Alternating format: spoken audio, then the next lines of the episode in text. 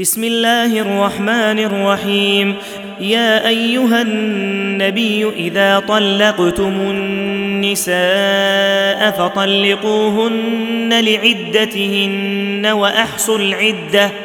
واتقوا الله ربكم لا تخرجوهن من بيوتهن ولا يخرجن إلا أن يأتين بفاحشة مبينة. وتلك حدود الله.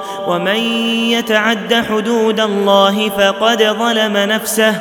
لا تدري لعل الله يحدث بعد ذلك أمرا. فإذا بلغن أجلهن فأمسكوهن بمعروف أو فارقوهن بمعروف. وأشهدوا ذوي عدل منكم وأقيموا الشهادة لله. ذلكم يوعظ به من كان يؤمن بالله واليوم الآخر. ومن يتق الله يجعل له مخرجا ويرزقه من حيث لا يحتسب. ومن يتوكل على الله فهو حسبه. إن الله بالغ أمره. قد جعل الله لكل شيء قدرا. واللائي يئسن من المحيض من نسائكم ان ارتبتم فعدتهن ثلاثة اشهر. واللائي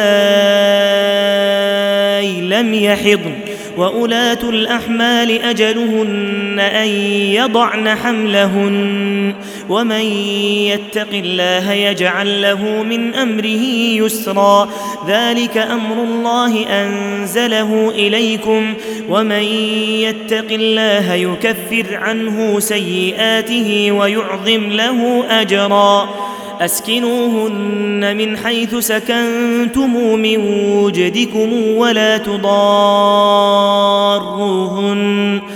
ولا تضاروهن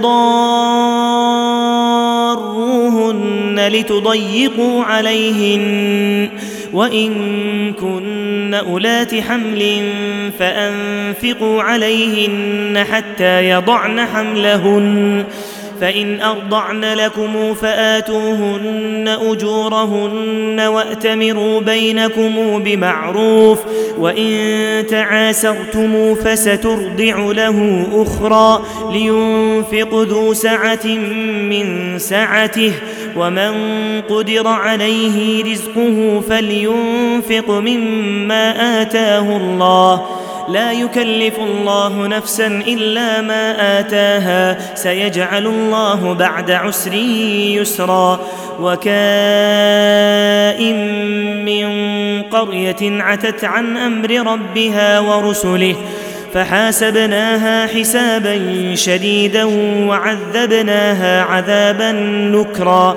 فذاقت وبال أمرها وكان عاقبة أمرها خسرا. أعد الله لهم عذابا شديدا. فاتقوا الله يا أولي الألباب الذين آمنوا. قد أنزل الله إليكم ذكرا. رسولا يتلو عليكم آيات الله مبينات ليخرج الذين آمنوا وعملوا الصالحات من الظلمات إلى النور. ومن يؤمن بالله ويعمل صالحا يدخله جنات تجري من تحتها الأنهار خالدين فيها أبدا. قد أحسن الله له رزقا. الله الذي خلق سبع سماوات ومن الأرض مثلهن. يتنزل الأمر بينهن لتعلموا الله على كل شيء قدير وان الله قد احاط بكل شيء علما